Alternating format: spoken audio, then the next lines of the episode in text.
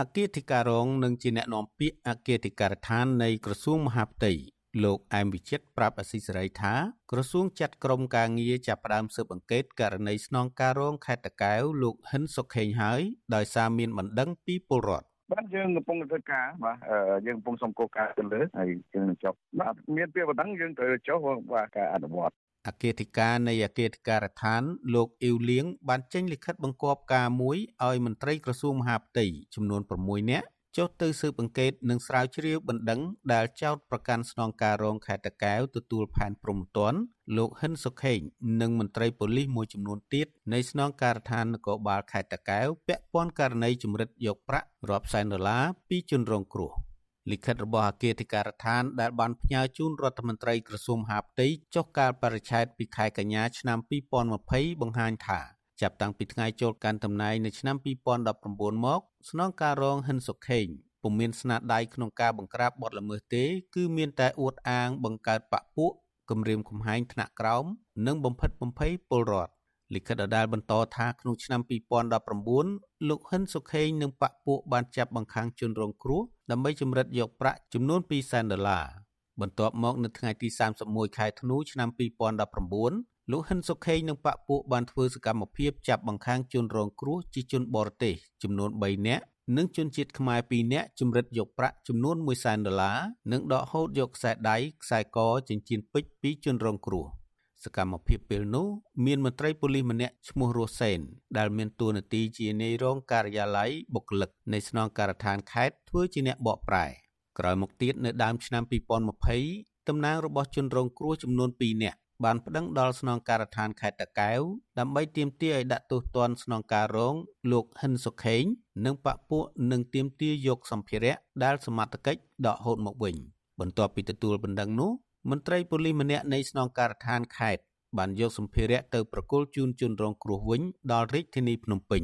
លិខិតរបស់អគ្គធិការដ្ឋានអះអាងថាមន្ត្រីនគរបាលនិងពលរដ្ឋនៅខេត្តតាកែវសូមមិនបញ្ចេញឈ្មោះបានផ្ញើលិខិតមកប្តឹងថាស្នងការរងលោកហិនសុខេងបានធ្វើឲ្យពលរដ្ឋមិនទុកចិត្តភ័យខ្លាចនិងបានប្រព្រឹត្តបទល្មើសមួយចំនួនដោយផ្ទាល់អាស៊ីសេរីមិនអាចសុំការបំភ្លឺពីស្នងការរងនគរបាលខេត្តតាកែវលោកហិនសុខេងដែលរងការចោទប្រកាន់នេះបានទេដោយសារលោកចុចផ្ដាច់ទូរស័ព្ទក្រោយពេលនាយកព័ត៌មានណែនាំខ្លួនរួចតែទោះយ៉ាងនេះក្តីលោកប្រាប់សារព័ត៌មានក្នុងស្រុកយ៉ាងខ្លីថានេះជាករណីមិនពិត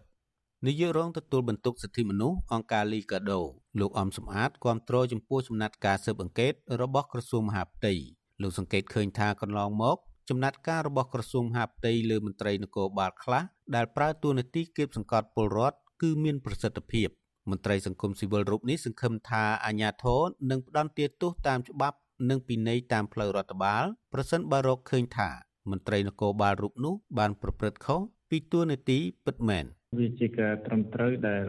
មានបណ្ដឹងពីប្រជាពលរដ្ឋហើយ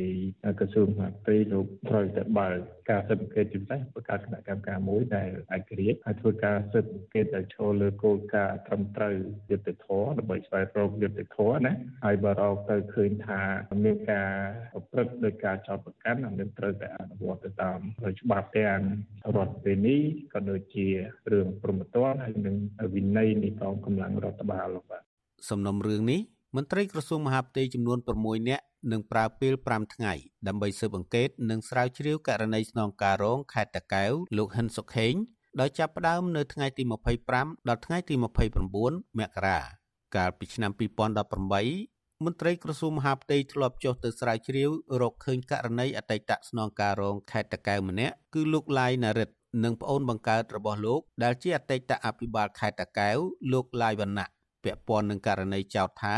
បានរួមគំនិតគ្នាសម្រាប់ស្រីស្នេហ៍ឈ្មោះជេវសវត្តនាហើយនាំគ្នាបិទបាំងសំណុំរឿងនេះថាជារឿងអត្តឃាតសាលាដំបងរាជធានីភ្នំពេញបានសម្រេចផ្តន្ទាទោសលោកឡាយនរិទ្ធនិងលោកឡាយវណ្ណៈឲ្យជាប់ពន្ធនាគារ10ឆ្នាំក្រោមបទចោទឃាតកម្មដូចគ្នាខ្ញុំបាទលេងម៉ាលីអាស៊ីសេរីរាយការណ៍ពីរដ្ឋធានី Washington